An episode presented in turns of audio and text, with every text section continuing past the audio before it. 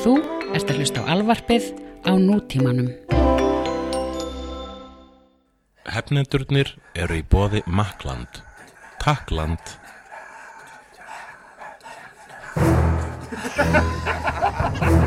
Það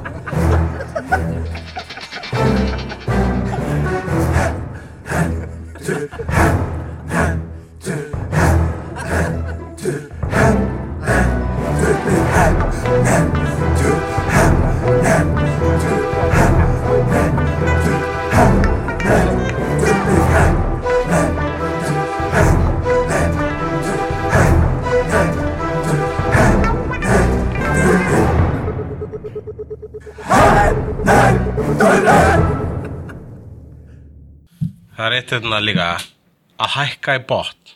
Já, Hvaða bullshit er það? ég veit það ekki er, Þú hækkar í topp, ekki bot. Hækka í bot, Já, hækkar ekki í topp.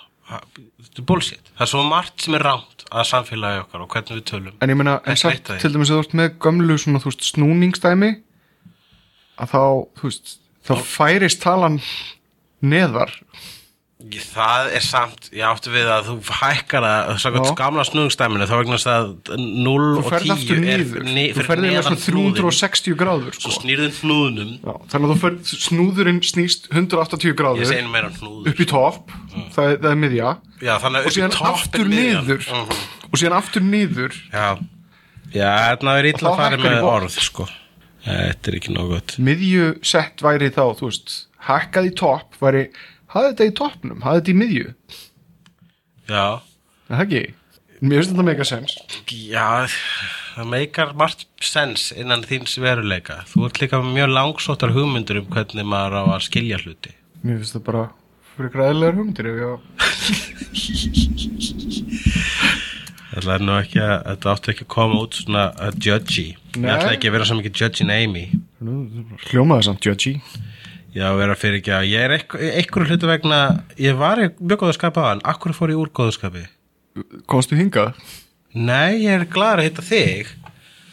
Var eitthvað var eitthvað áðan sem gerðist Já, ég labbaði fram hjá þarna sem enna... Dunkin Donuts? Já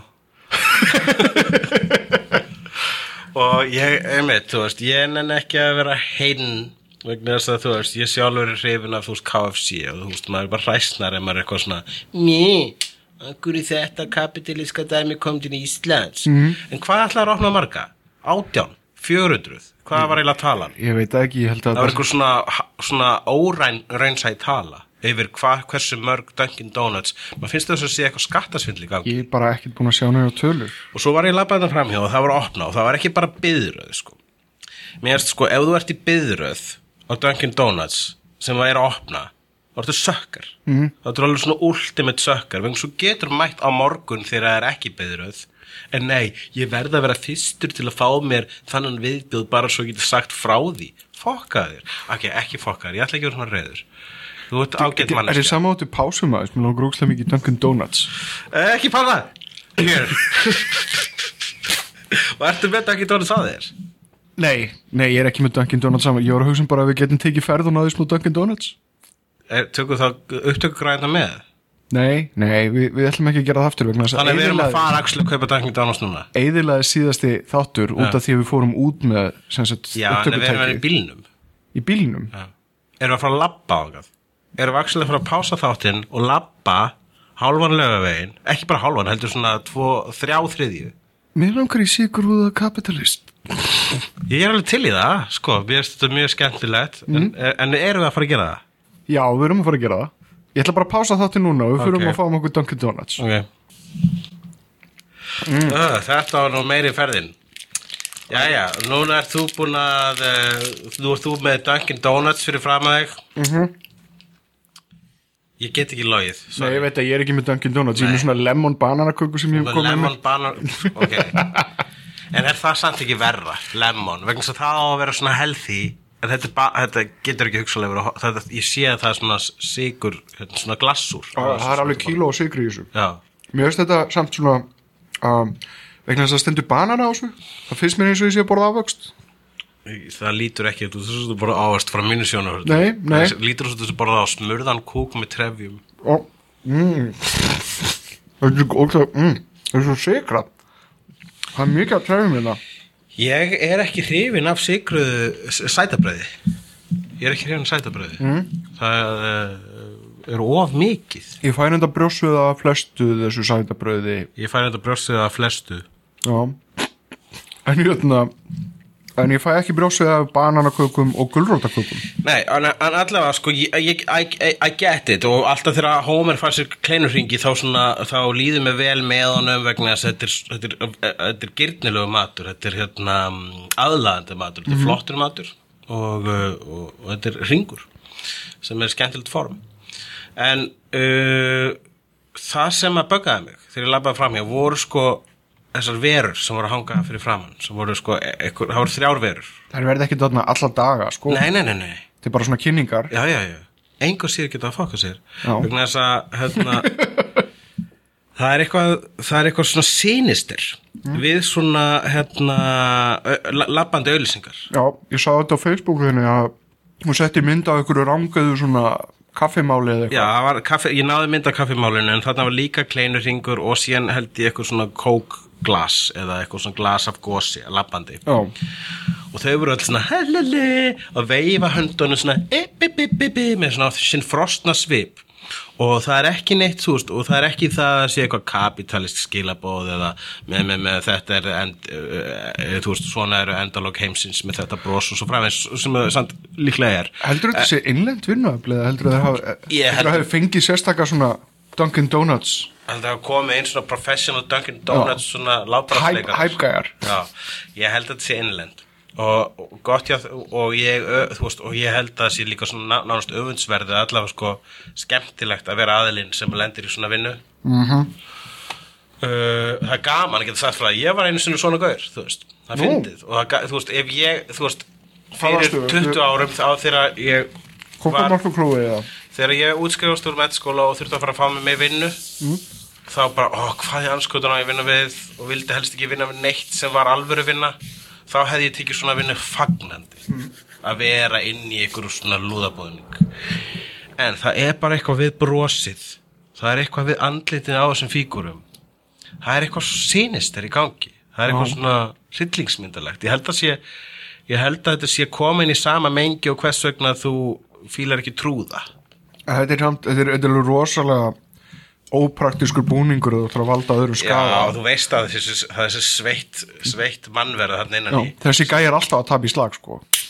Já, vissilega, þú getur, það er, ef þú myndir hitta hann að förnum vegi, þá getur lama það þú Ég henni ekki klessu. lama henni í klessu þarna fyrir framan alla lögavegin, það hefði verið komið illa út. Já, það er líka bara eins og að berja kettlinga eitthvað sem getur ekki tvarið sig. Er með eitthvað svona er hann ekki með svona Kettlingur getur hanska alltaf hlaupið í burt og klifur upp tré. Já,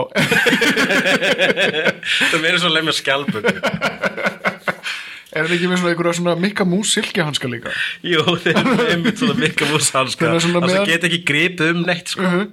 þannig að meðan að þú ert svona wailin honum þá er hann svona að reyna að losa Ég, hanskana veistu það, ég held að það hlýtur að vera til einhvers staðar í Japan, skemmtigarður þar sem þú farið að lemja svona fíkur þar sem þú farið að lemja svona, svona labbandi hambúrgara og, og, og, og aðra svona, svona lemja vörumerki, basically Já. ef það er ekki til, þá ætti það að vera til vegna þess að það er hvíli gremja sem þú losar um eða svona vörumerkja fight club svo núna um leiði ég er búin að tala illum þessar verur Já. þá lífum miklu betur og er bara næstuð með sáðurskupið ef að hafa gert það ef ég hef ekki verið fyrir þú veist, það að það var það sem lét mér líða betur En hvað með svona vörumerkja fight club? Það sem að svona veru berjast til blóðs Mm. Ég meina sko hérna Ronald McDonald og Colonel Sanders hafa eitthvað svona yfirhönd vegna þess að þeir eru ekki svona fastir inn í eitthvað svona stóru formi. Já. þeir eru ekki labbandi banani eða, eða, eða pappamál. Þeir eru actually svona gaurar Íþrótta álfurinn held ég myndi taka það alla sko. Íþróttálur myndi taka það alla. Já, það er rétt. En þrátt fyrir en staðrændin er svo að þú vilt sjá alla af alla taka íþróttálfin þess að hann er verstur af þeim öllum. Já Já, hann er samt að selja, þú veist ég veit ekki, þú veist, gulrætur og svona dót. Já, og harðfisk.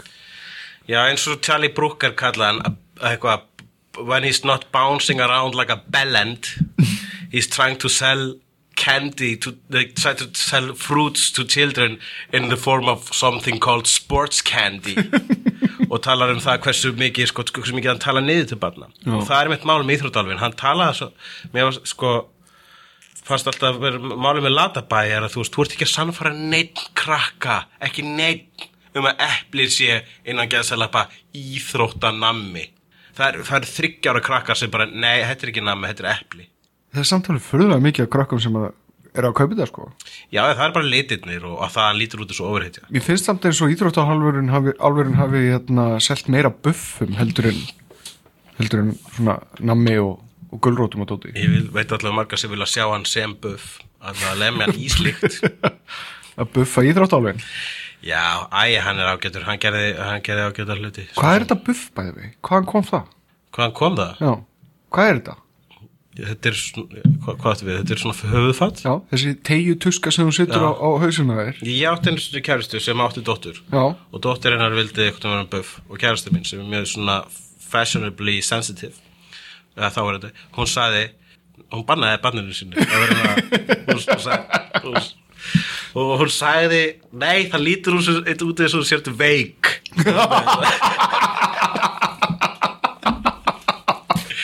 Og ég hikaði við að segja þessu sögu. Gósa.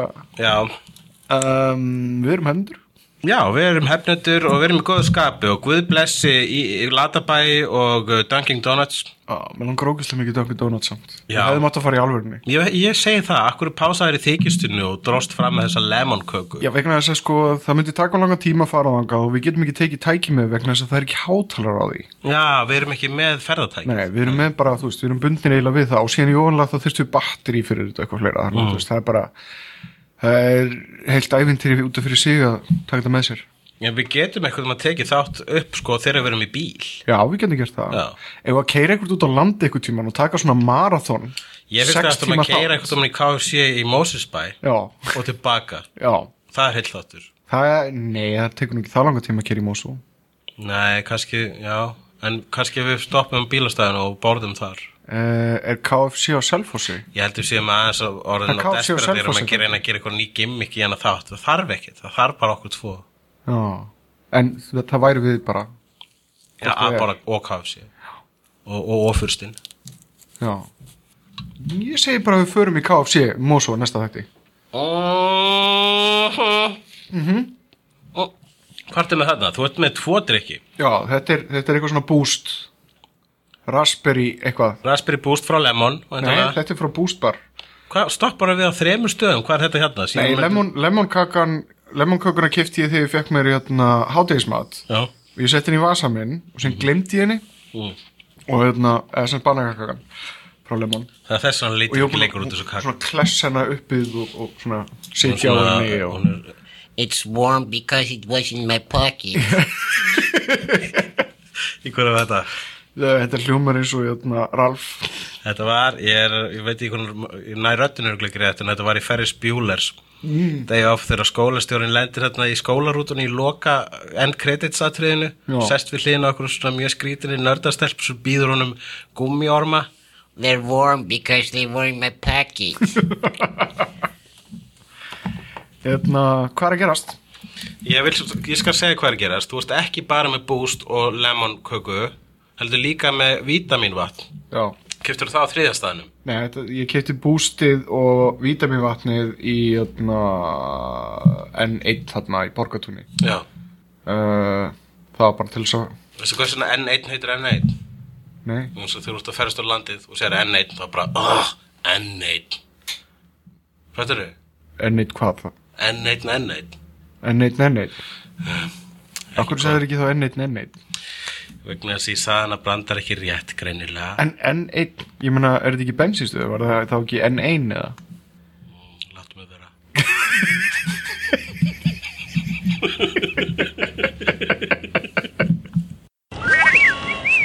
Hvað er að gerast? Herðu, já, um, sko það er ekkit voðalega mikið af svona skemmtilegu með spennandi uh, fréttum hérna uh, J.J. Abrams sagði einhverju viðtalið nýlega að hann lofið því Það orðið mitt í Chlorians heyrist aldrei í Force Awakens Jesus Christ, hann er, hann er alltaf að segja hann basically, þetta er annað dæmi sko, hann er heitinn sko. Lukas lítur lega illa bara Já. já, ok, ég frábær leikstur búin að taka við barninu mínu Mhm. en hann er að hætta að skýta á mistökinu Hann er svona, hann er svona einmitt svona eins og einhver hérna, cool fósturpappi sem tekur Já. yfir. Já, já, já, ekkert meira svona rugl að við getum alveg farið í tjóli já, það uh, já, Þannig að já, þetta, hann ætlaði að hafa beinagrindina Jar Jar, skilur þú veist, hann er all heitinn sko. Hvað var alltaf hann það? hafa beina grindina af Já, tjartjar hann ætlaði að CGI að beinagrinda Jar Jar eitthvað stæður í, í eðmörkna CGI, allan ekki að hafa það practical effects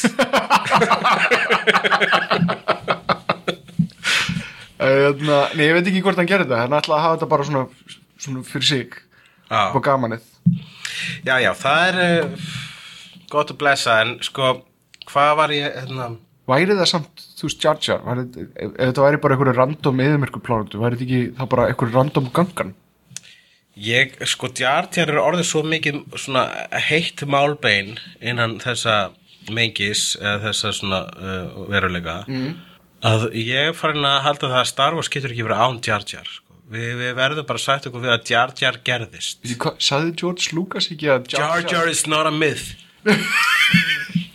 Nei, saði Jar, George Lucas ekki eitthvað hérna He's the one holding it all together Já, og mér finnst það pínu fallegt, sko, ég meina, eh, allavega Djar Djar er allavega maðurinn sem að rústaði alheiminum Já. með því að samþykja eitthvað frumvarp -hmm. og uh, það var svolítið flott. Já. En, um, en ég meina, Phantom Menace væri ekki Phantom Menace ef ekki var fyrir Djar Djar, sko. Hvað var það að sagði Jar Jar? Það Phantom Menace er orðin eina af þessu spectacularly slæmi myndum. Mhm. og eh, þú, getur eiginlega ekki notið hennar að þú fáið smá Misa love you long time, Misa so horny. Hún- Ok, ég var verður saman reyndar- hérna uh, Full Metal Jacket og Phantom Menace þarna. Þú fattar hvað ég meina. En hún verður reyndar hérna ágætt þarna þegar þú klippar hann svolítið vel út. Þá er, þá, þá er Phantom Menace næst í áhóraleg Já, já, það er svona fan, fan cut Já. Ég var alveg til að sjá það en enga síður sko uh, þá ha, ég, er að segja sko að Phantom Menace væri ekki sama myndin ef þú fængir ekki, þú veist þetta, þetta, þetta skemmtil, skemmtilegu tilfinningu sem er það að fyrirlíta Jar Jar -hmm. það er eiginlega sko ég meina, þegar ég horf á Phantom Menace í dag þá vil ég sjá Jar Jar þess að hann er það sem að skemmir myndina best. -hmm. og þetta hvað ég meina. Svipað og svarstanleikar er það sem skemmir Batman og Robin best. Já. Uh, Fleira fréttum hérna uh, Miss Piggy og Kermit voru að skilja. Ah, ég skil það vel. Mm. ó, hann er of góður fyrir hana. Hvað er þið búin að vera lengi saman? uh, í held í 40 ár. Já, allavega 35 ára eða svo.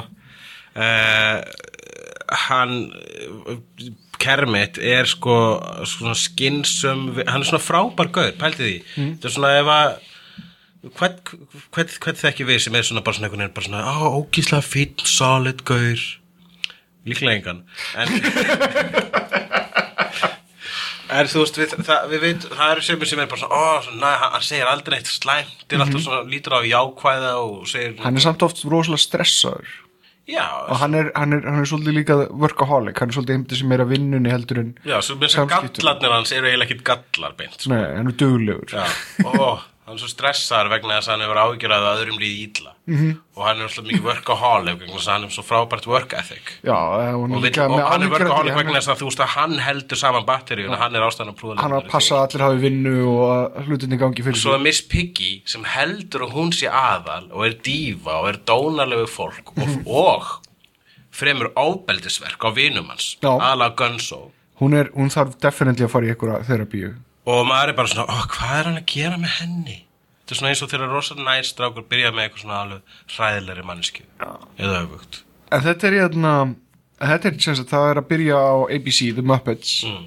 sem að hérna, gerist baksviðs á uh, skemmti þættinum eitthvað, þú veist, svona ópera þáttur með Miss Piggy. Já, þannig að þetta er, þeir eru, þeir eru að leggja, leggja svolítið hérna, grundvöllin fyrir seríuna sem er að byrja núna bráðum uh, næsta hausteldi já, og þar verða, þú veist, hinn, þetta verður eins og gömlu Muppets þættinir þar sem að koma hinn og þessi fullurins gestir og, og mæta í stúdíu og, og, og Já, það, e- e- þetta er bara back to basics nema með einmitt nýja stílnum sem er þessi mockumentary stíl. já, Það er bara hljómar rosalega vel. þetta, ég, þetta er áhugavert allavega, áhugavert þróun um, hvað, þú ert áhugaverð þróun. Mér alltaf finnst þú vera áhugaverð þróun. já, takk, takk fyrir það uh, Craven the Hunter það er, Verður hann vondi í það spæta? er einhver orðkvittur um það að hann sé líklegur spætviljan Kraven the Hunter er einn af þessum óunum spætumann sem er einhvern veginn svona hálf leim en er uh, einmitt uh, svipað Jar Jar. Já. Uh, Sjarminandi fyrir vikið. Ok, alls ekki svipað Jar Jar, svo hann Hann er er- ekkert sjarminandi. en Craven the Hunter er sem sagt veiðimaður Já, sem að sem ætlar að veiða spætíman best, ég er nefnilega mér hef, hef lesið bara gamla Steve Ditko dæmið þarna frá 63-4 um það. En síðan hefur lesið og eina annars, svo hafa komið einhverjum nokkuð góða sögur eins og þarna Craven's Last Hunt sem átti verið einhver tímamóta saga sem ég les aldrei. Og sem að um, já, hvort það var, var það McFarlane sem teiknaði hana? Manna ekki. Þekka ekki. Hann, hann teiknaði allavega eitthvað sögur sem var tengt því sem var þarna fyrsta sagan í Spiderman blöðunum sem að hann það sem að uh, McFarlane fekk svona creative frelsi. Alla, ég komin út af. Flotta útgáfan af kref, Kreven var í Ultimate Spiderman í Ultimate a- alheiminum. Já, þar sem að e, rebootaði Spiderman þegar hann er að berast við Kraven þá er sko, kemur þessi Kraven og hann er svo raunveruleika stjarna. Hann er svo Bear Grylls nema veiðimaður. Og er búin að veiða öll dýr í heiminum.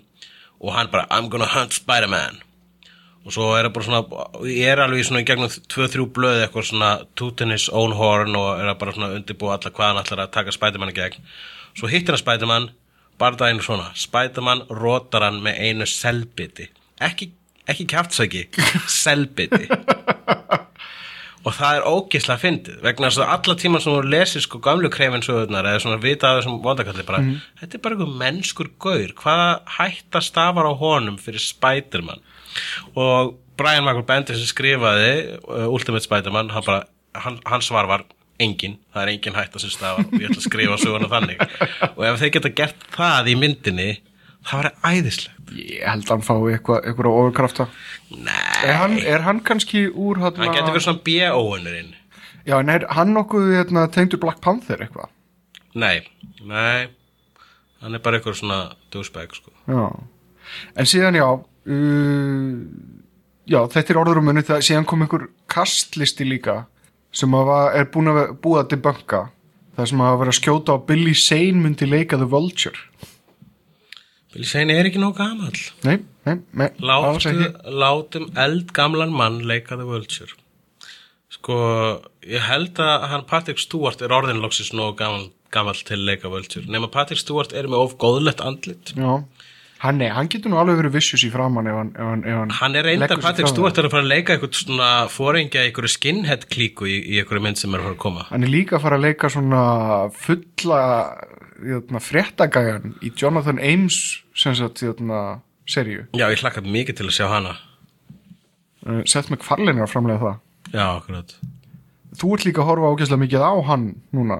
Þú ert í Star Trek eða ekki. Jó, ég er að horfa á hann Ég hef nokkað að taka hans fyrir að glápa ef við erum búin með hvað er gerast Nei, við erum ekki alveg búinir. Ok, Joel McHale, uh, sem er leikur í Community, já, hann var að segja það að Community sé búið. Vegna þess að allir leikararnir eru með samning yfir sex season og uh, núna eru allir bara það dýrir að það bara heila borga sig ekki að halda því áfram. En hvað með enda movie?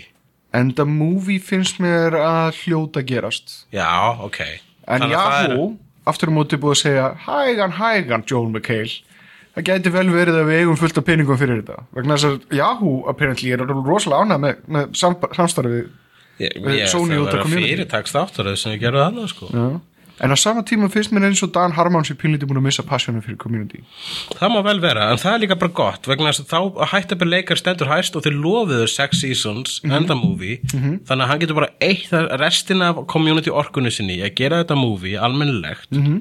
ég meina síðastu þátturinn í, í síðastu þátturöðinni það var, hann var svo meta að hann var meta, meta, meta sko. hann var snild og hérna að að það, það er ekkert hægt að halda áfram það er ekkert hægt að gera aðra þáttaröð þegar það er búið að affjúpa, það er búið að sína svo marga strengi. Mm þannig að það er kannski sé hins vegar hægt að gera eitthvað með kvikmynd. Já. þannig að geri bara Mér langar líka, líka að fá játna, uh, Yvette Nicole Brown og, og hann Donald Glover aftur. Já, ég var alveg til að fá bara hann Chevy okkar aftur. Já, láta hann vera bara vondakallin sko. Já, hann er náttúrulega dauður.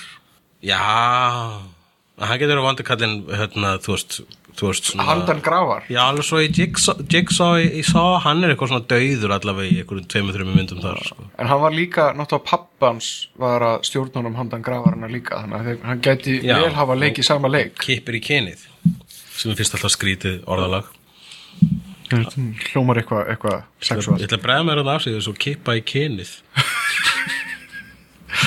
Er þið síðan er hérna ný Netflix-serja á leiðinni frá Aziz Ansari. Já, sem heitir Master of None. Ok. Og uh, það bara er það eina sem ég veit um þetta? Bara Master of None? Ég veit ekki eins og hvað þetta er um. Já, ok, og það er bara uh, það er volið til fyndið sko, Aziz Ansari er náttúrulega fyndin nema hann gáði eitthvað svona sjálfsjálpabók nýlega sem var ekkert fyndin eða var ópslega lítið fyndin allavega. Já, sem var skrítið. Þetta er, þetta er byggt á stand-upin hans og bókin hans uh, Mo- Modern Romance. Já, það er þessi Modern Romance. Já. Og uh, hann réð mömmu sín og pappa til þess að leiki í þessu. Yeah. Ég hef bara trú á þessu. Já, Aziz Ansari er fyndin gæi. Herðu, ertu búin að horfa á Deadpool trailerinn? Já, Og trailerinn fyrir trailerinn, já, það var gaman. Já Ég er mjög spenntu fyrir Deadpool myndinni. Þeir eru bara, þeir, það er bara það er allt í þessum trailer sem segir að þeir séu að gera þetta rétt. Ég las eitt komment fyrir neðan trailerinn á YouTube sem ég höfst mjög heillandi. Og það var Aldrei átti ég vona að búa í heimi þar sem ég er spenntur fyrir Deadpool mynd en ekki spenntur fyrir Batman vs. Superman mynd. Já, sem er, þú veist, valið, valið mjög valid. En hérna áhugavert. Ég er endur orðið svo ekki spenntur fyrir Batman Ég er spenntur fyrir báðu. Uh, en eða segjum að ég er bæði. Bæði. Uh, báðum myndum. En hérna, aftur á móti þá finnst mér Deadpool trailerin það lofa það góðu. Deadpool er alla, sko, Batman sem Superman það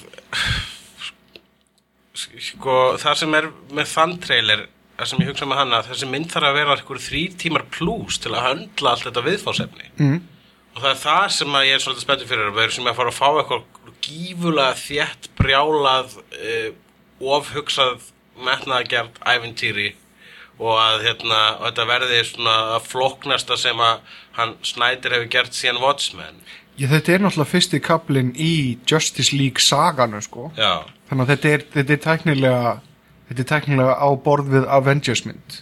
Það ég- er ásetningur. og ég er líka spenntur einmitt fyrir því að sjá sko Batman í öðrum búningi öðru sér búningi bókstallega en maður hefur sjáður einmitt til með þetta litla sem ég séð það sem er í einhverju eyðimerku búningi það er spennu mm og líka þetta hérna, með að Lex Luthor er að skapa einhverja, einhverja, einhverja, einhverja Superman fasisma. Þetta er allt svona að vera að brúka uh, þessi íkon á þann hátt sem maður hef ekki séð áður. Það er það sem að mér finnst spennandi við Batman vs. Superman. However, Deadpool lítur út fyrir að við ætla að vera öðruvísi en allar ofurhyttjumyndir sem hafa kom, kom, komið og ofbildisfyllir og þar tekið með þú veist kick-ass Já, og það er spennu og líka vegna þess að Deadpool á að vera yfir strikið, ofbildisfullur, brjálað brjóta fjórðaveggin og það virðist vera allt það er að gerast þarna. Svo ekki sem tala um það staðrend að T.J. Miller í leikur í myndinni. Það lofa náttúrulega fitt góðu að, að þeir byrja á því að sína Já, Þannig að það fer alla leið. laust. En já, þá er eiginlega hvað er, hvað er gerast búið að gerast Já, Ef að fara í kannski ákvært að glápa já Á hvað ertu að glápa? Hörðu, já, þú ert búin að glápa Star Trek Já, ég var að byrja á annar þáttur eða Star Trek Next Generation -hmm. og uh, það, sko, eins æðislega fyrsta þáttur eða er þá er hvílíkt þróunastök Já, frá bara síðasta þætti í fyrstu þátturöð og yfir í næsta þátt. Það er strax bara cinematískara. Budget. Miklu meira budget apparently, og meira þór um að vera öðruvís og skrýtnur og Bobby Goldberg hérna barþjóðnin á Enterprise beistist allt í einu í annara þáttur eins og hún hafi alltaf verið þarna. Já, Enterprise er svona eitt af þessum skipum sem bara stækkar eftir þörfinni. Þetta er náttúrulega bara he heil smáralind sko, fljúandi smáralind, ef ekki stærra sko. og uh, uh, þá fljúandi smáralind var mun meira skeri og, og jafnvel svona feðraveld í skara. Unglingar í hættupeysum og... já, ég, meni, ég er alveg að hugsa um að það er bara mm. lítið svo fljúandi tippi. Mm, Einmitt? já. Já, en það er önnur, önnur rítgerð hérna um, hann, hann number one uh, hann Rækir, hann er strax komið með sitt íkoniska skegg þarna sem að vantaði alltaf í fyrstu þáttur sko, vantaði skeggið það er ekki takt að taka marka manni sem er ekki með skegg? Já, eins og þú sér þá er ég komið skegg. Þú ert komið skegg? Svona nokkus konar skegg. Mm -hmm. uh, ég að, þetta er mjög þægilegt mér liður og ég sem er meira búið á andlitinu. Já, En Klæjaði mikið? er búin að, ég held að sko, með, fram að þessu var með ég get látið með að vaksa skegg í tvær, þú veist, tvær vikur áður en ég bara meika ekki lengur og, hérna og raka mig, en núna, þetta er held ég að koma í fjóra vikur hérna sko. já þetta, er, þetta er, að það er alveg komin, komin svona dýft í þetta ég skegg har pínu sætur og fjarlæð en þegar ég horfið um mig nærmyndi í spegli þá sé ég hvert einasta smáatri og það eru þessi ljósuhár inn á milli dökkahárana sem bara bögga mann í klessu sko. Já, en það er kannski allir með svona. Það eru flesti meðsvöldis, já. Já. Þú getur reyndar að klippa þig út eða þetta fyrir töðnur aður eða þetta tröflar eða eitthvað. það er mjög frústrandi leikur en hérna já, hann er alltaf með þetta rosalega flotta og velsnirta skegg hann, hann ræka er og, um, og það er líka læknirinn er farin svona mammans uh, Wesley. Já, já, það ef að það til Jar Jar Binks uh, Star Trek heimsins -hmm. þá væri það Wesley Crusher greið já, eh, sem að Will Wheaton leikur. Þessi karakter er inn, það er bara, ég er búin að sko, ég bara svona frá vegna þess að ég vissi að hann var að hata þér. -hmm. og ég var aldrei búin að horfa almennilega á Next Generation. Þannig þegar ég fór inn í þetta þá bara, ok Wesley, ég hef heyrt að þú sér dóþrandi ég ætla að prófa að fíla þig. Það er bara ekki hægt sko. Hann, hann eldist nú samt í gegnum seríuna og aðeins þroskast. Já, ég, ég hlakka til að sjá það. Akkurat núna þá er hann það er eitthvað eitthvað óendilega unlikable við hann og það er, það er svo lítið honum að kenna greið stráknum eh, neina, það er bara þetta á að vera sko svona ofurgáaður svona Mozart gáaður strákur sko. og, hann er eitthvað hann er svona góður að tækni og skilur og fattar hluti sem maður fatt ekki. Nema hann er bara svona að, hvernig hann karakterinn er bara svo leim það, það er sko þetta er ákveðinu tímabili þess að maður er alltaf verið að tróðin einhverjum krakkakarakterum til þess að krakkarnir hafi eitthvað til þess að tengjast við. Já. Til þess að búa til grundvöld fyrir því að, krakkarnir horfa á þættina. Manst þú þegar þú horfir að Star Wars þegar þú varst þú eitthvað svona, ó, það er engin krakki í myndinni, Nei. ég tengi ekki við neitt. Ég- ég en á sama tíma maður sá gúni svo elskaði það að það var fullt af krökkum sem maður tengst. Já, jú Og það, þú veist, og þá stakki stúa að voru einhverjir eldri þetta. Þá var maður bara, hei, hvað er þessi hérna, hvað heitir hann, hvað er þessi eldri bróður hérna að gera, Brand. Já En ég, ég, ég meina, þú veist, ég eftir til dæmis mannst þetta Sequest áttunum Uh, já, ég sá einn, Já, með Roy Scheider og, og, Já. og, og félögum hann þar voru krakkar. Þar voru krakkar sem að koma inn í á sonur hans eða eitthvað líka sem að koma inn á skipið og það var intróð inn í heiminn Mm. Uh, Það var umverulega Star Trek í sjónum. Jú, en það spurningin minn er va- hefur eitthvað tíman sko þú veist, eru krakkar óska eftir þess því að það séu fleiri krakkar í þáttum til að tengja við? Það er ekki, þú veist, tengir bara við það sem þú tengir við. Þetta hljómar eins og eitthvað svona sem markaðsfræðingar Já, þetta er mjög í hug. markaðsfræðingalegt sko.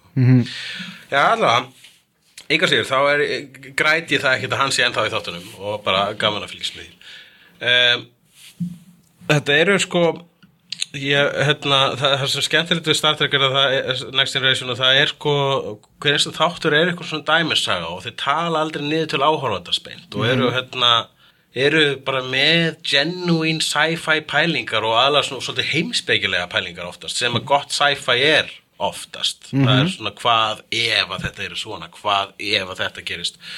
Og, og stóra heimspekin bak við hérna Star Trek er það að þarna er verið að sjá sko mannkinn sem er betra en mannkinnið í dag Já. sem er þróaðara og þess vegna er þetta oft bara svona muniði fyrir 300 árum þegar fólk notaði peninga? Og svo leina hálfvitar voru við og maður horfður á þetta bara það er rétt. Hversin hefur ennþá að baða okkur í þessum helvitis pening? Erum hálfvitar. Manstu þegar að fólk veist, manstu þegar að fólk held að það myndi vera betra að það egnaðist hluti? Og þetta er super socialist síðan náttúrulega er þið ekki að stópa að drekka eða, eða jamma Nei, þau þurfa ekki að drekka þetta jamma vegna þess að þau kunna njóta lífsins. Þau eru maurar í maurabúi að vinna fyrir the collective. Já, en síðan er þau öll bara svo hamingisum og bara svona og þystir í þekkingu og svolítið svo Data er einmitt sko hann er eiginlega mennskastur af þeim öllum þess að hann er svona þá sem er sko sem, sem er alltaf að læra eitthvað nýtt og hann, hann langar að vera mennskur og hann elskar að læra nýja hluti og það er einmitt það sem þau sækja svolítið eftir um að, um að betra sig sem manneskjur og svo leiðist þannig að þetta er ekki bara sósíalist heldur líka sko það er alveg, einstaklingshyggja er alveg leifileg innan þessa sósíalisma.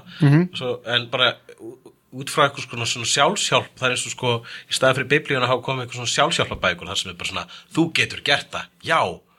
Svona, en myndi að hugsa um aðra líka og svona, sem að er náttúrulega þú veist, í, í grunninn eru, þú veist, bestu þætti biblíunar er rauninni bara mjög góð sjálfsjálpabók sko, ef við tökum Jésu allavega þá var hann bara svona mjög góð sjálfsjálpar gúru ok, uh, en uh, já, það var flott. Ég myndi segja sko að eitt besti þátturinn í fyrri þátturinn hafa verið þegar að uh, þau finna svona cryogenically frozen fólk Já. þrjá aðela frá setni hluta 20. aldarinnar mm.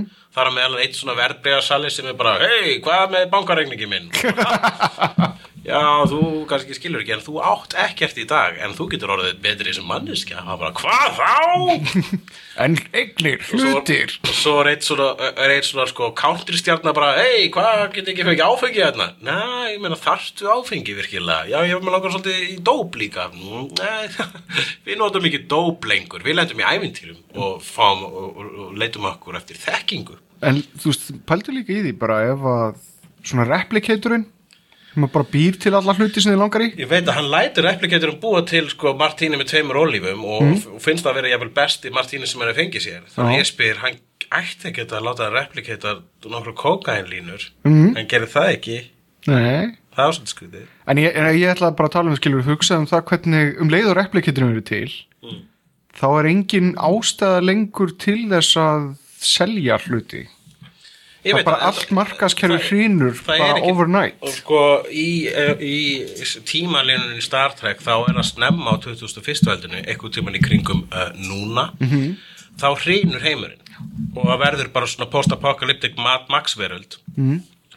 og þau byggja síðan nýjan heim úr rústunum af því og þessa, þessa sósíalísku útapíu sem að Star Trek er og þar emitt sleppa þau kapitalisma og markaðnum alveg þannig að peningar er ekki lengur til. Já, sem að er með make a sense vegna þess að þau gera út af við fátækt og hungur. Já, og ef þau gera út af við fátækt og hungur þá, hvernig gera út af við fátækt? Með því að, láta, með því að sleppa peningum. -hmm. það er ekki til fátækt. Allir fá allt sem ef vilja. allir eru jafnir. Þannig að þetta sko þau segja veginn allt nema sósialismi í þessum þáttum sko. mér finnst samt einhvern veginn eins og hljóta vera vændi hljóta vera til staðar en þá hvers vegna? já, nema þessu svo bara rosalega góða manneskjur að þeir vilja ekki eh, er fólk ekki bara alltaf að ríða? ég menna það getur verið sé, maður, þetta virðist að vera óðalega kynlöst þjóðfélag Herru, strax í öðrum þætti Mhm. á fyrstu þáttaröð þá er fólk byrjað að ríða í Star Trek Next Generation Ok. og veistu hver fara að ríða? Data Data What? byrjar strax að ríða í öðrum þætti hann ríður hann henni hérna, security officer henni Jar sem deyr actually, í setna hluta þáttaröðunar sem að kom verulega óvart já, ok en uh, hérna Já, ég meina, ég dreyrindar í landin, ég meina, hann Captain Kirk er þekktu fyrir það að banga sér leið um, um, um alheiminn. já, já, hann var að banga alla tanga Hmm. banga á alla tanga Já, en þú sem sagt vilt meina það að þetta, þetta fyrsta sísun hafi bara verið stórfenglegt? Já, og sinns annar season byrjar á frá, frábæra þetta þar sem að hún Diana Troy sem er svo kallar Betazoid sem er svona uh, gemveru tegund sem lítur út alveg svo fólk sem fyrir alltaf netti tegundur á mér mm. þess að þróunarlega þá ætti það það, það er starffræðilegur frekar lár möguleiki að slíkt ekki gerst að manneskjur sem er verur sem lít út nákvæmlega sem við þróast öðrum plánundum það er bara basic hugmyndin í Star Trek hérna, skrýmsla galleríinu. Það er allir humanoids. Já, og geta ég meira þess að átt sko, veist, og þeir sleppa meira þess að sko vulkanir geta átt börn með, uh, með manneskjum sem þýðir að þeir eru með sömu kynfærin veist, sömu ekkjastokkana og eitthvað. Mm. however, það er örgulega hægt að afsaka það með einhverju sút og budgeti og budgeti og náttúrulega sk- skilum að það vel. Þú getur ekki látið allar lítið út þessu einhverju skordýr, getur ekki allir lítið út þessu skordýrin í, í District 9 í einhverju svona gamlum þátturum þú þegar fólk þetta reyða sig á bara lámax make-up.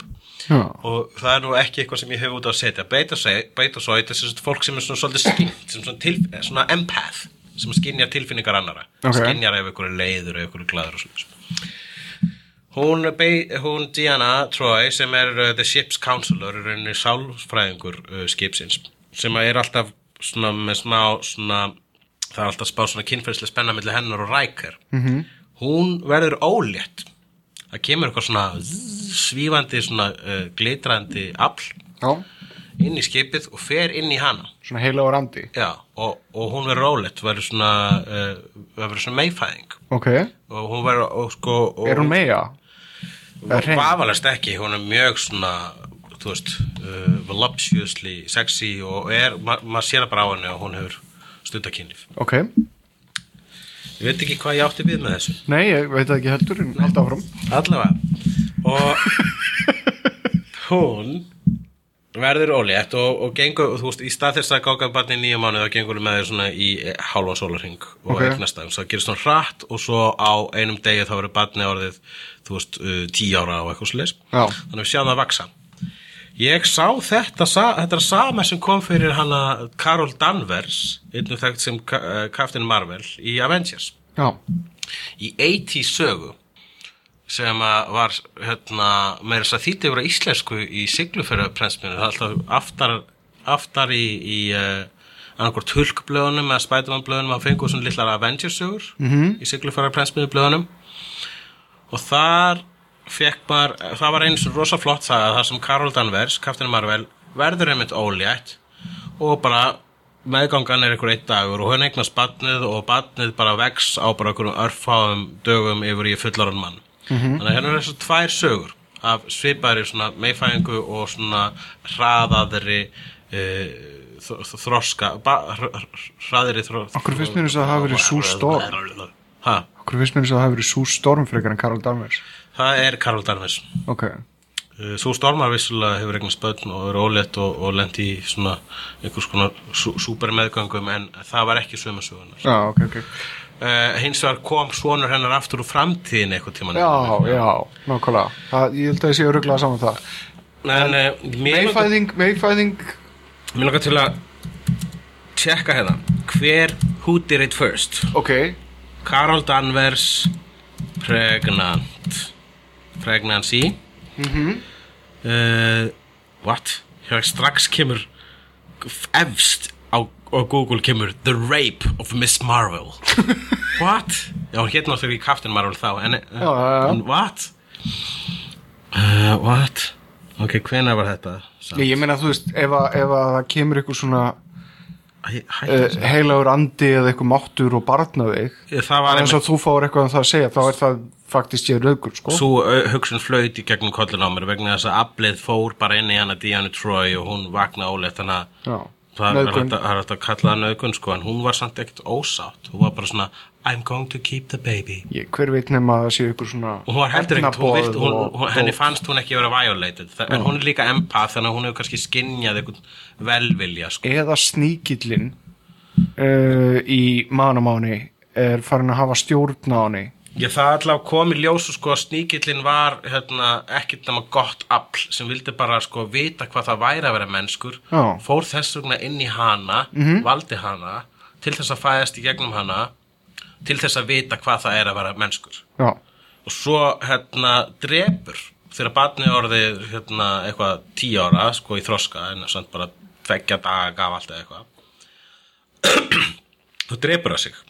Og þess að það fattar sko að, að það er að valda einhverju geislun sem að stefnur öllu skipinu í hættu Já, og Ok. dreipur sig, en dreipur sig raunin ekki vegna þess að stjar, hérna, glitrandi stjarnan bara fer úr barninu og, og, og sest í smástund í lóa móður sinnar og flýtur síðan út í gegnum veggin Ó. og, og, og segir sko við hana Krabbamein í með lófa. hugarafli segir hérna takk En byrju en, ok, ef að geislunin gæti valdið því að flestir í skipinu myndi veikjast eða ykkur, akkur er hún ekki veika ykkur? Betasóitin. uh, vegna þess að geislun kom frá sko því að að uh, þessi þetta, þetta glitrandi afl og varð manneskja Þar, þaðan kom geislun Já, það er ekki maganum á henni. Æ, please, ég veit það ekki, það er ekki að svara allir spurningum En ok, Karl Danvers, hvernig var hann ófrísk? Við Er þetta fyrsti þáttur í sísunum 2 af, af hérna, af, Já, komstu, komstu að því hvernig fyrstu þáttur í season 2 varð um, frumsýtur og það var ok, við erum að tala um að sko hún Karol Danvers hún var ólétt oktober 1980 ok, 1980, mm. uh, frumsýnt 1988.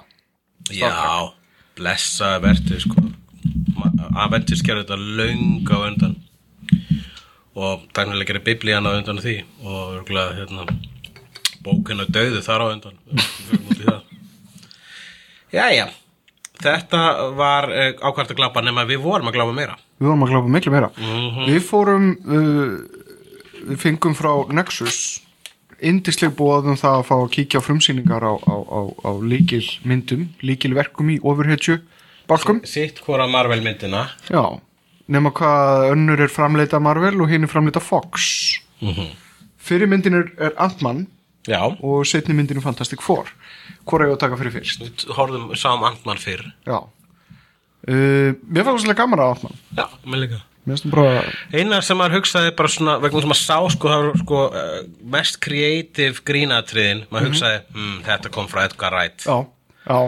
Mér fekk, ég treysti samt Adam McKay fyrir að gera fyndið, sko. já, Adam McKay hann var hann að skrifa í þessu Já.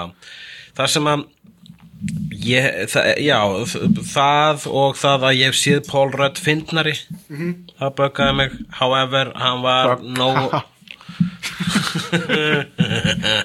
að, hérna, en, eh, en það sem að sko gerði þetta skemmtilegt er það að hún var sko var ekki mikið að reyna að vera eins og aðra Marvel myndir.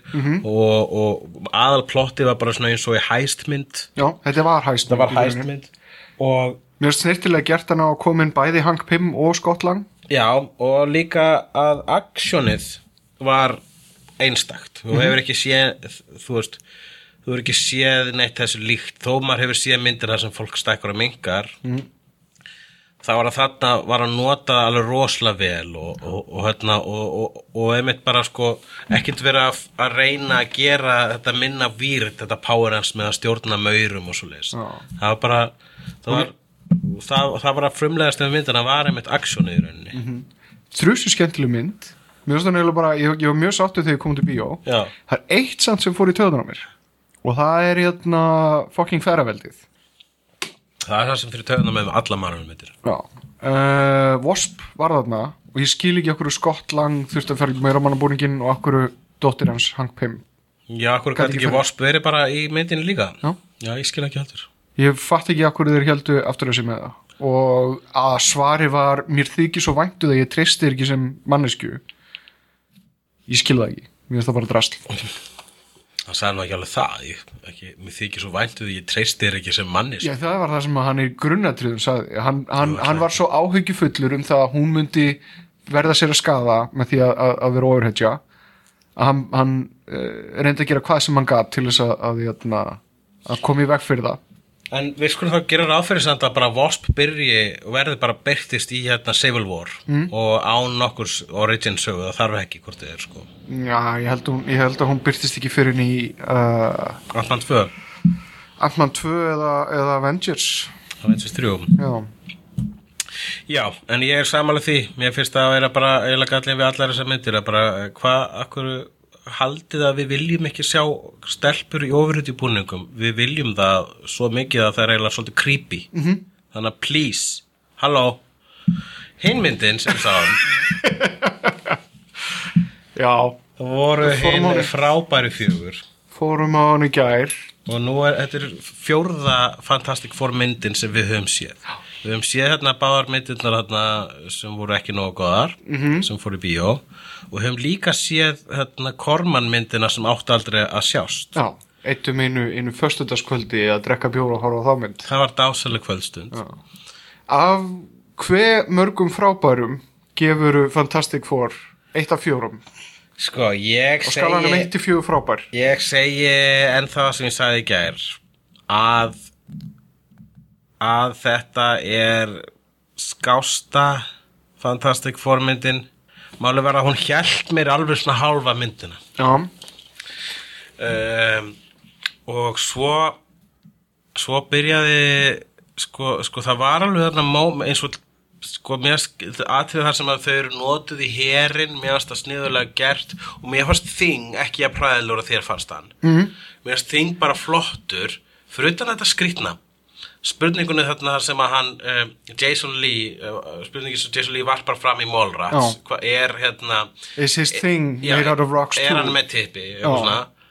svarið í þessari myndir nei, nei, Þing er ekki með tippi vegna þess að einhver hluta vegna ákveður að Þing ætti ekki í brók. Já. heldur var hann bara allsber þarna að berjast við skrýtrika og við sáum bara, ó, hann er bara tippalöst grjót skrimsli að berjast við skrýtrika ég skil okkur hann svona reður ekkur, hérna sko setið þið brók á hann svo, svo við fá, fáum allavega ekki svar við þessari spurningu? Já, og bara útlitslega þá var það fallera Já, það er fallega, það er, eitthvað, það er mjög skrítið að sjá hann labba þarna um allsperran og, sko, mér fannst og ég sá alveg svona, en málega er það að þegar að hann var þarna til til að nýja orðinni þing, þá sá ég svona pínu sárstöka í honum sem að að- er það sem að þarf að sjá í þing. Hann þarf að vera, hann þarf að hata sjálf sig sko. Mér fannst nefnilega leikurinn og hugmyndinn og allt það bara fín. Mér fannst það þing flottur og fjarlæg Mér finnst andlitið á honum ekki nóg þinglegt. Ég vil fá þungu brúnina. Þú vilt fá þungubrúnina Já.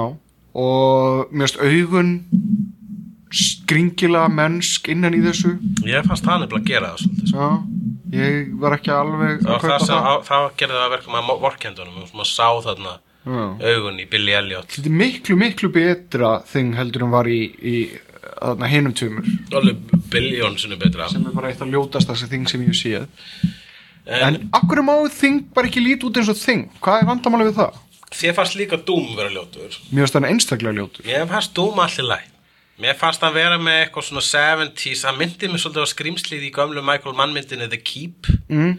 Það var eitthvað svona Það var eitthvað svona retro skeri við hann. Já, Og mér fannst hann actually, já, einmitt, þú veist, hann var svona illa gerður. Það fannst mér Mér finnst að, þú veist, hans origin saga alveg ágætt þarna En ég er alveg saman á því að þeir eru ekki ennþá búin að gera réttan Doom Neinstæðar nei, það- Doom bara er í miklu meira action. cool heldur en þetta.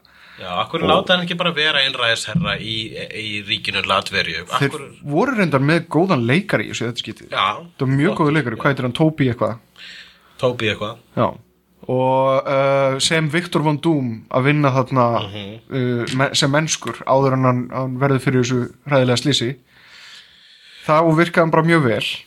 En Mér fannst hérna sko origin dæmið vera alveg svona, alveg svona pínu solid. Já, En síðan sko kemur actionið sem er eiginlega ekki til staðar vegna þess að actionið er bara gífulega Mm. boring. Fór enda pín í töðunar með það að þeir buðu ekki svo með mm, Já, já, svo, fekk ekki að fara með í hinnu vítina Nei, strákarnir fengur leika sér, stelpunar ekki. Jú, jú, mikið færa veldi þarna. Það er náttúrulega sko Er ég að tuða mikið um ferraveldið?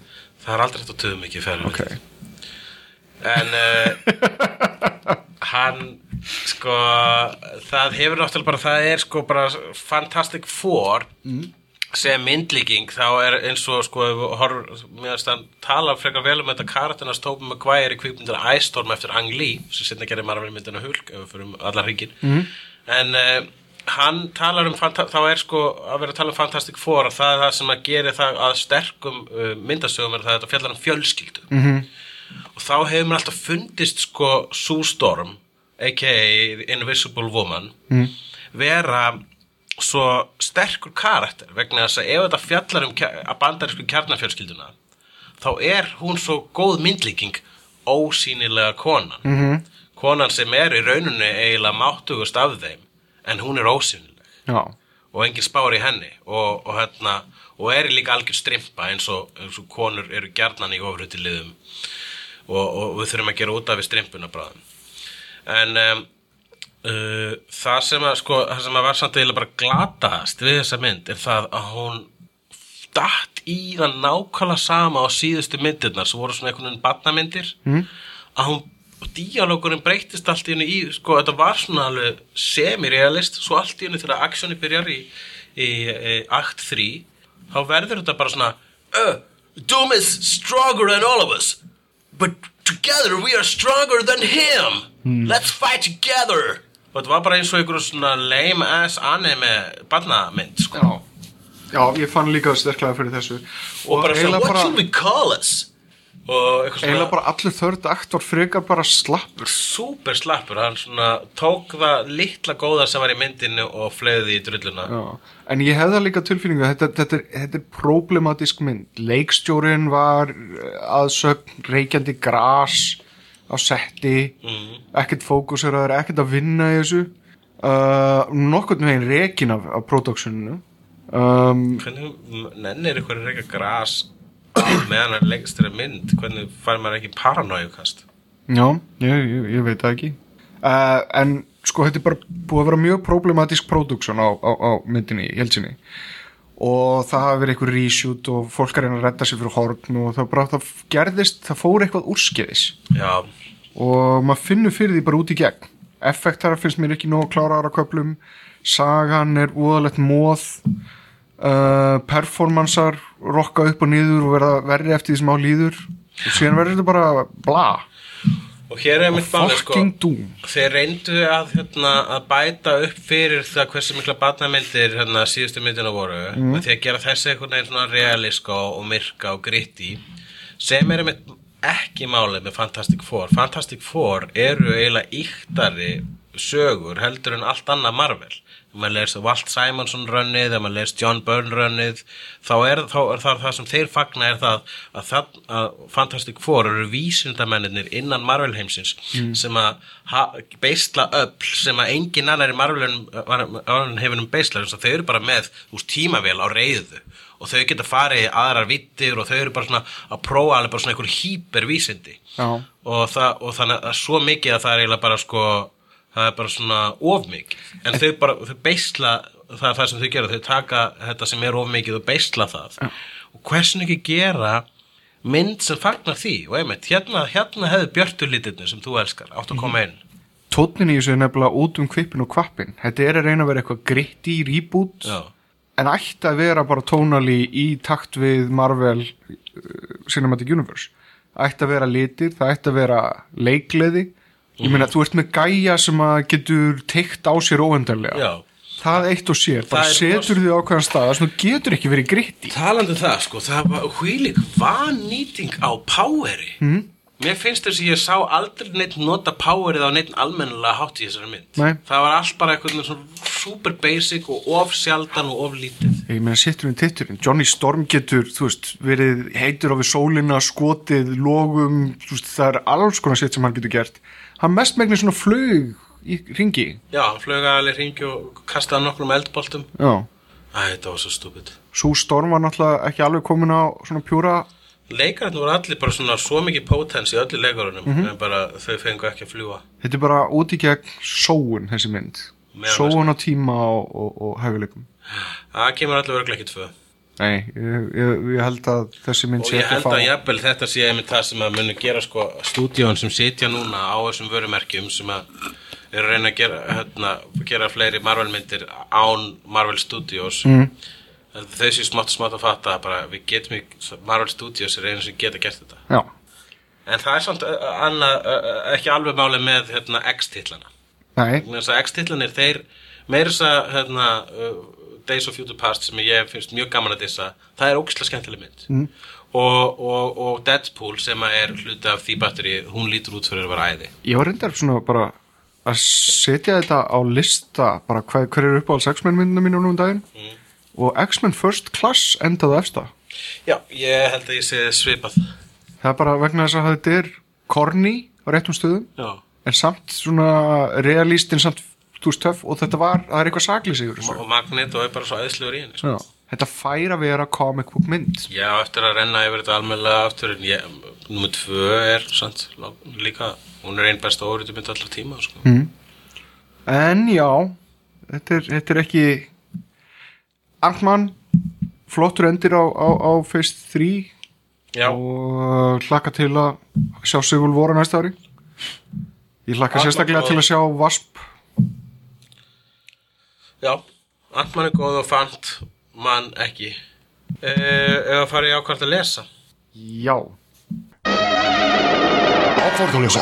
Ég var að lesa um, Wonder Woman nú, hvað varst að lesa Wonder Woman? Wonder Woman Brian Azzarello aha, veitu, er ekki að koma Grant Morrison run af Wonder Woman? Það vona ég.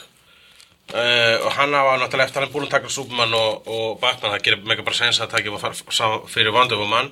Brian Azzarello skrifaði hérna fyrstu, fyrsta runnið í þeirra eftir að DC heiminu rebootaði sig sem The New 52 -hmm. og uh, þar skrifar hann mjög sko eiginlega bara svolítið briljant dæmi. Ég er búin að lesa fyrstu tvær bækunar fyrsta bókin, nei fyrstu þrjá bækunar Blood, Guts and Iron. Já, fyrsta bókin heitir Blood Under the Guts og þriðja, þriðja Iron. -hmm. og uh, hér, hljómar eins og Kick-Ass Wonder Woman titlar. Hér segir frá því við þekkjum öll uh, Wonder Woman. Hún er uh, fætt á eigu sem heitir Paradise Island sem er svona svipað á Lesbos það því leiti að það eru bara konur sem búa þar. Og það eru allar Amazonur. Uh, þjálfa sig í bardagalistum og, uh, og hérna og Wonder Woman er meira þess að sko eiginlega meiri kona en það er allar vegna þess að hún átti aldrei föður heldur mammenar Hippolyta uh, sk- mótaði hann úr leir. Hmm. og þetta hefur alltaf alveg bara frá því að hann hérna William Malton Murston eða hvað sem hann hétt sem ska- skapaði Wonder Woman William Moulton Marston mm. sem að er uh, hérna er uh, fjölkvæntur uh, feministi með bindiblæti og fann upp uh, legamælin sem mér finnst vera mjög impressive á CV eitthvað verður maður að gera daginn fyrir það sem ekki vita þá var, var, var Wonder Woman sköpið fyrir uh, nokkrum mörgum áratugum af manni sem heitir William Moulton Marston. Þetta er hún ekki eina fyrstu ofriðsjónum? hún er eina, hún er alltaf eina fyrstu kvennuóriðjónum, ekki svo allra fyrsta satt en hann stóði þeirri merkingu að konur væri betri en menn. Hann var alveg það mikill feministi Mm, hún byrtist A- 1941 a- a- ekki að konur uh, væri betri menn en að konur ætti að stjórna heiminum vegna þess að konur myndi stjórna heiminum á ást. Og þessi maður átti konu og kærustu og þau byggu öll saman. Þessi maður komst, var setna komið ljós var með svona bindiblæti hún fórst mjög gaman að- að að binda sig -hmm. láta binda sig og það sem meira komið ljós ljós þessi maður fann upp ligamælin -hmm. þess vegna meikar svo skemmtilega mikið sens að megin vopn Wonder Woman er þetta the lasso of truth Já. sem er reypi og þú bindur kallmenn nota bene með því þá geta þær ekki logið -hmm. Þannig að þetta er alveg bara svona ultimate anti-fæðraveldis hetja. Sannleikssnaran. super feminist sko. vissilega hefur hún verið uh, ekkit svo feminisk í höndum uh, vissara höfunda og hún er líka super sexualized oft Já, af teiknurum. Af teiknurum og, og öðrum. En, það, en engar síður þá, þá poppa alltaf þessar flottu, sterku sögur af hennu og þessi eftir Brian Azzarello er eh, ein af þeim en hérna er sko svolítið díla við svo- svolítið atriði, hérna kemur í, í fyrstu, fyrsta kaplanum í ljós. Kemst hún Wonder Woman að því að hún á föður eftir allt saman. Mm. sem að svona einhvern veginn hérna, hristir í stóðu mítunar Já. hún sagði, ó, er Wonder Woman jafn mikil Wonder Woman ef hún er síðan undan Karli komin Já, það sem meira er að þetta er engin vennulegur maður sem er pappinar, það er engin annan uh, seifur, konungur guðana sem er pappinar konungur guðana svaf hjá drottningum Amazonuna og eignust þetta barn. En það þykir mér vera sko sterkur hluti í sögunum vegna þess að hérna þarf hún uh, hérna þessi ultimate kona að díla við það og hún er undir kalli komin. Og, uh, og það gerir þetta það steipir henni í, í rauninni svolítið meira relevant umræðu sko. Já. vegna þess að öll erum við undir bæði köllum og konum komin. Ok, og það er hérna og, og, og, og þannig að þú veist að hér er, og þar, þar, þar alvegandi erum við rauninni öll jöfn. Ef ég veit ekki hvernig ég orða þetta frekar en fattu hvað er ég að meina. Þú veist eh, að eh, hérna að þarf konu og kall til að búa til alla og það að halda þér fram að bara, þú veist, að, að, að búa til einhverja mýtu þar sem einhver kemur bara frá konum eða einhver kemur bara frá köllum það einhvern veginn, það skekkir svolítið jafnbreyttis umræðina ok, já. Þarna er, kemur hún sko, hérna kemur uh, ný Wonder Woman sem að meika meira sens í nútíma jafnrættis umræðu Þarf sem að er í- þetta sko, það sem er alltaf verið að tala um sko, þeir sem að trú ekki á feminisma, þeir segja bara hvað eru það að segja, að konur segja betri en kallar Nei, að, við erum að segja að konur segja jafnar köllum Mhm. hvað eru að segja að kallar segja allir hálfvitar? Nei, við erum að segja að konur mega líka vera hálfvitar. Mhm. og hérna og þess, þetta, þessi Wonder Woman adressar svona spurningar og svona heim betur, þetta er núna hvað ég er að segja? Já, já, já, já, ég er að skilja. Ok, og hérna og það sem meira er að þegar hún kærast að því að hún er Dr. Saves þá förum við inn í hérna uh, inn í hennar fjölskyldu drama ok, og fyrir þá sem hafa eh, bara svona bara smá vægan áhuga á uh, grísku goðafræðinni þá fær maður feitast neið þarna þarna koma sko kemur Ares uh, sem er stríðskuðin mjög rosalega flottur í útgáfu -hmm. og, uh, og þarna er Hera hérna, afbreyðskapa konuna Seifs og þarna eru hinn eru þessi grísku guðir og þetta eru bara svona, þetta eru bara reisastór og þarna er líka Hades, ég hef aldrei séð flott en Hades og Poseidon líka sko. -hmm. uh, Hermes.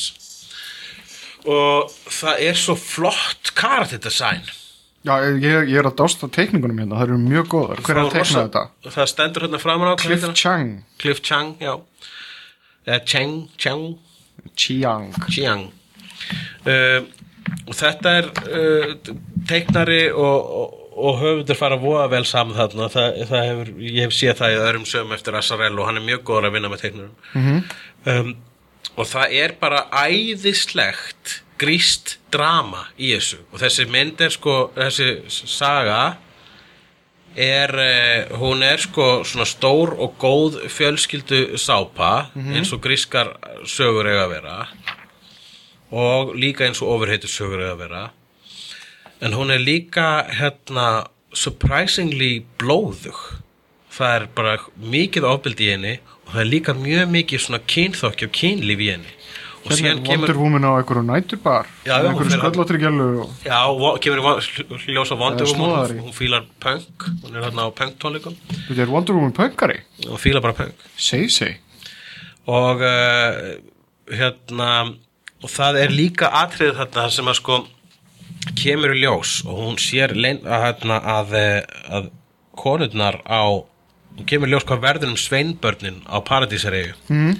einu sinni á á svona eitthvað svona eitthvað fimm ára fresti eitthvað svo leiðis eða tíu ára fresti eitthvað um ára fresti fara Amazonurnar og finna sjórenningja eitthvað staðar, eitthvað svona sjómenn. Að, ég heldur velja helst sjórenningja svona eins og þennan hérna, saklausa bandariska flugmann sem að hún nælir í einhvern tíman, ja, það er það er ekki talað um þannig bandarískan flugmann sem hefur alltaf verið himbóðin hennar Wonder Woman. Hann Já. er bara fjarri góðu gamni þarna sko. hún er ekkit að, það er engin rómans hvað hana varðar. Hún er ekkit eitthvað að, að reyna að leita sér gæja allavega ekki í þessum fyrstu þremur bókum. Það kemur náttúrulega eitthvað til að því en þarna er hún aðalega að reyna að vernda einhverja unga vinkonu sína gegn guðunum vegna þess að pappina seifur barnaði ungu vinkonunnar og ef hann barnar uh, fólk Ok, þá, en þá vilja allir drepa batið en aftur í sjóræningjum, aðalega hér á Amazonurnar þær fara á einhverju ára tímabili og s- s- synda um borð uh, til sjóræningja mm. og eru bara allsperrar og slá hot og ríða þeim öllum. Já, og drepa síðan allar sjóræningjana daginn eftir þegar þeir eru bara eitthvað svona uh, uh, hvað þeir segja maður post-coitus. Já, það sem að þeir liggja í einhverjum ástarbríma. Sé líka í ástarbríma fullnægðir. Drepa þá. Svo fara þær og, og, hérna, og margar þeirra eru óléttar og þær eignast börn. Ef það er strákur þá er barnið tekið frá þeim og selt til í, í, basically uh, til hérna, hvað heitir guðin sem er giftur henni Afrodítu sem býr í eldfjalli sem var í hérna uh, Baron. Munchausen. Hann vinnur við það að smíða vopn. Ah, já, svona járnsmiður svona rosalur rumur, ljótur rumur og hann er giftur Afrodítu sem Já. er líka í þessari bók. Afrodíta er þannig að það sést aldrei framan í hana vegna þess að ekki einu svona teiknarinn getur teiknað svona fallega konu.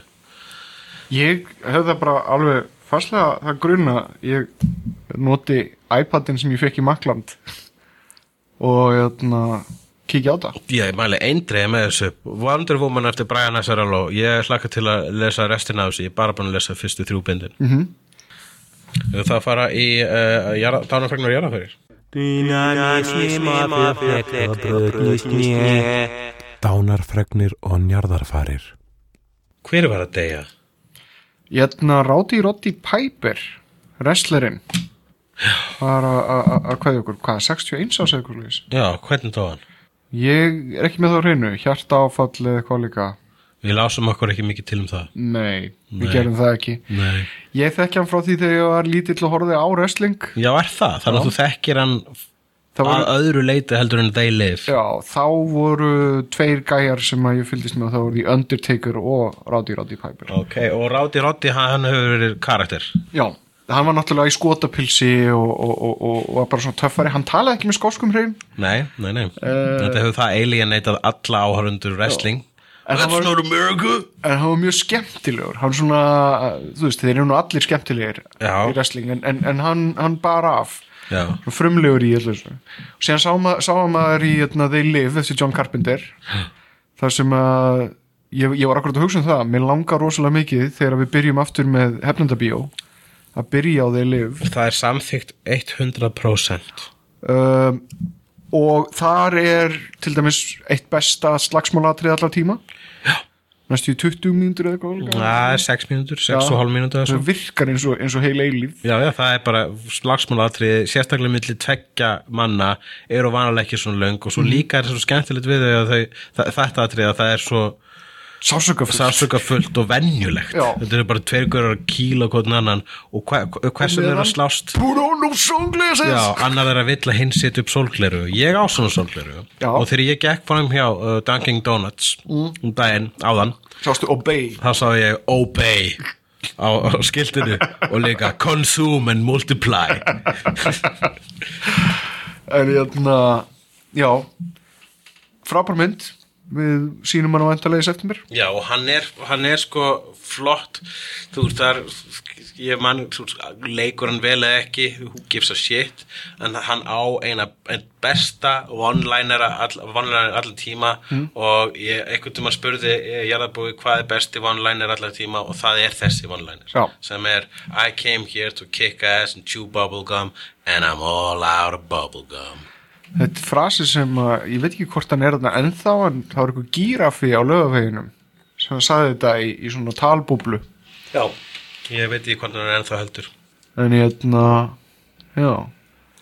Já, ég vona að hann fái nú af tyggigúmið, hvar sem hann er. Vel mælt. Ok, spurningar frá plánutinu Jörð.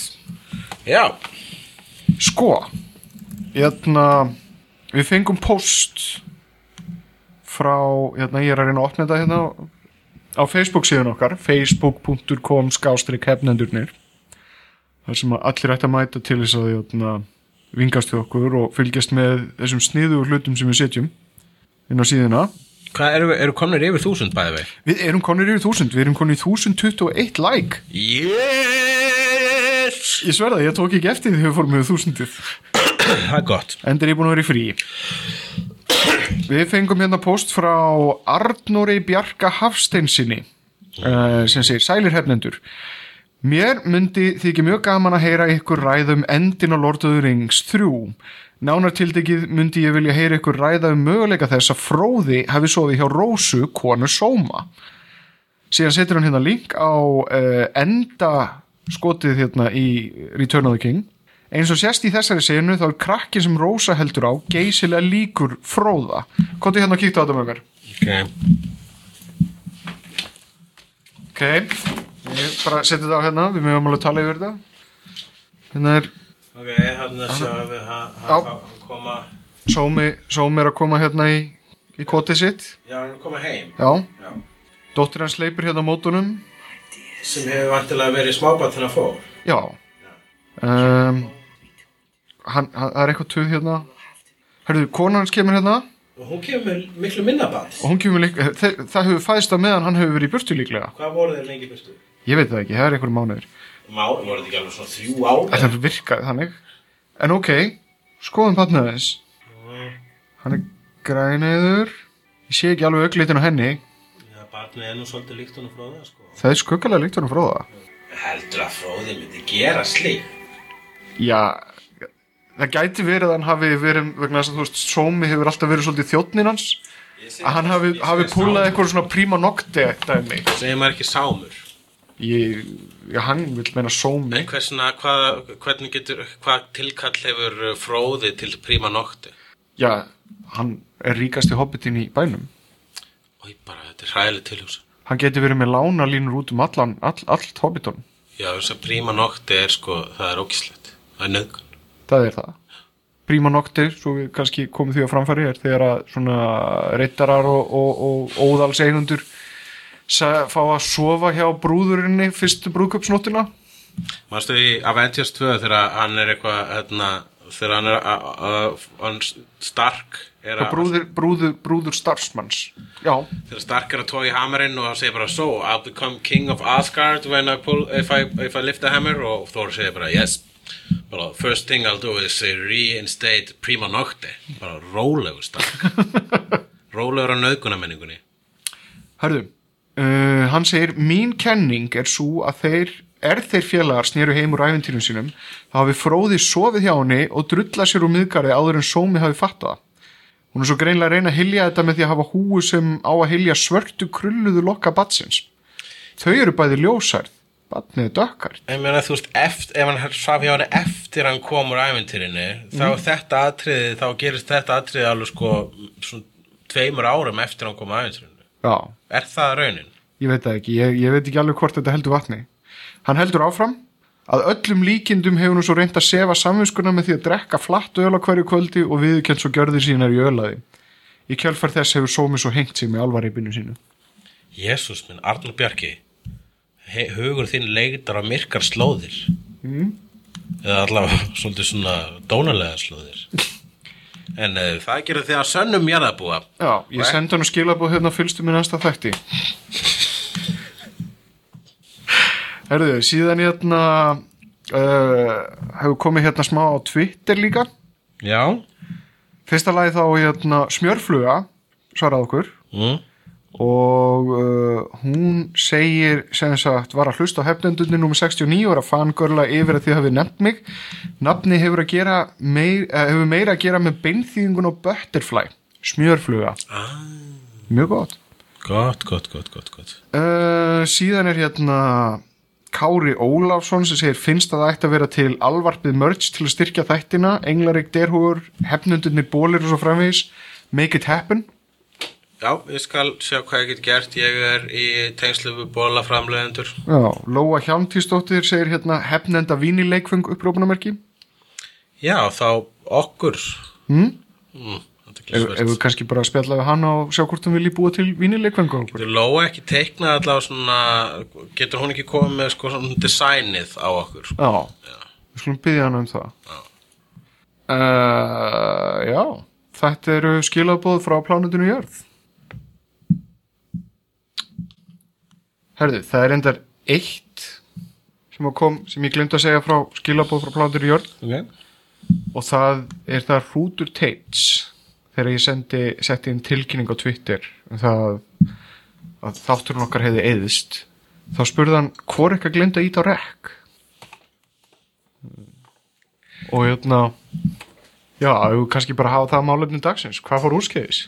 Já Varst, var, Ertu með upptöku? Já, Og hann varst að segja þetta allt núna? Ég var að segja þetta allt núna. Ok. Málefni dagsins. uh, Hérna Já.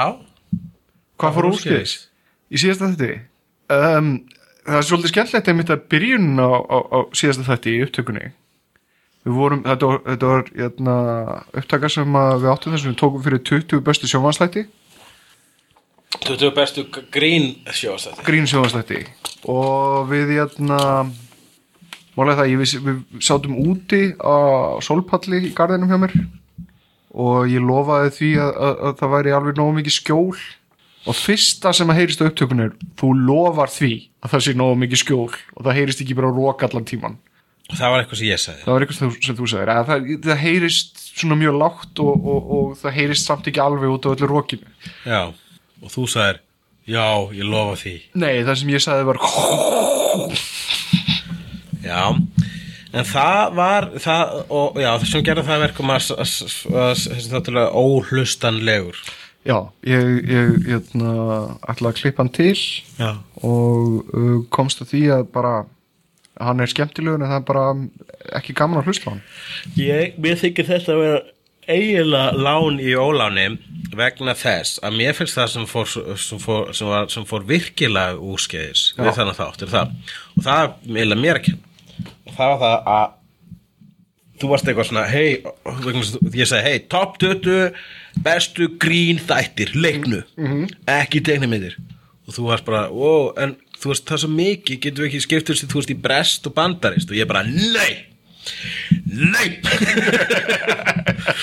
og svo töldum við þetta upp. Og þegar við vorum búin að telja upp 20 þætti þá föttuð við að við hefum gleymt þú veist 30 Rock og Office og Monty Python og eitthvað og við erum bara aaaah og þannig enda, endi það við töldum upp lista Já. af 20 þáttum sem við glemdum sem við glemdum ekki, ég var með á lista. Bara yfir hluti og já, þannig að sko það voru mistök að skipta þess ekki í brest og uh, það var svolítið skondið að þáttunum skildi þetta á því að við vorum að bölva sjálfum okkur eða ég að bölva Já. mér Já, fyndið. yfir þessu. En það, svo sjálfsbölvun mun ekki uh, líta dagsins ljós. Nei, við tökum upp nýjan þátt 20 bestu bresku gaman þættir. Og svo 20 besta bandarist já, þannig að hvað með þú varst 20 be- hvað með ef einhver er að þeim eru, er þá maður klón ekki verið með? Shit Ógnar fjör má alltaf sjá. Í Reykjavík. Á landinu um loftin blá Líka á sænum. Hættur og háski Látur og gáski. Heflendur Í Reykjavík. Heflendur Í ævintýrum lendast þess Heflendur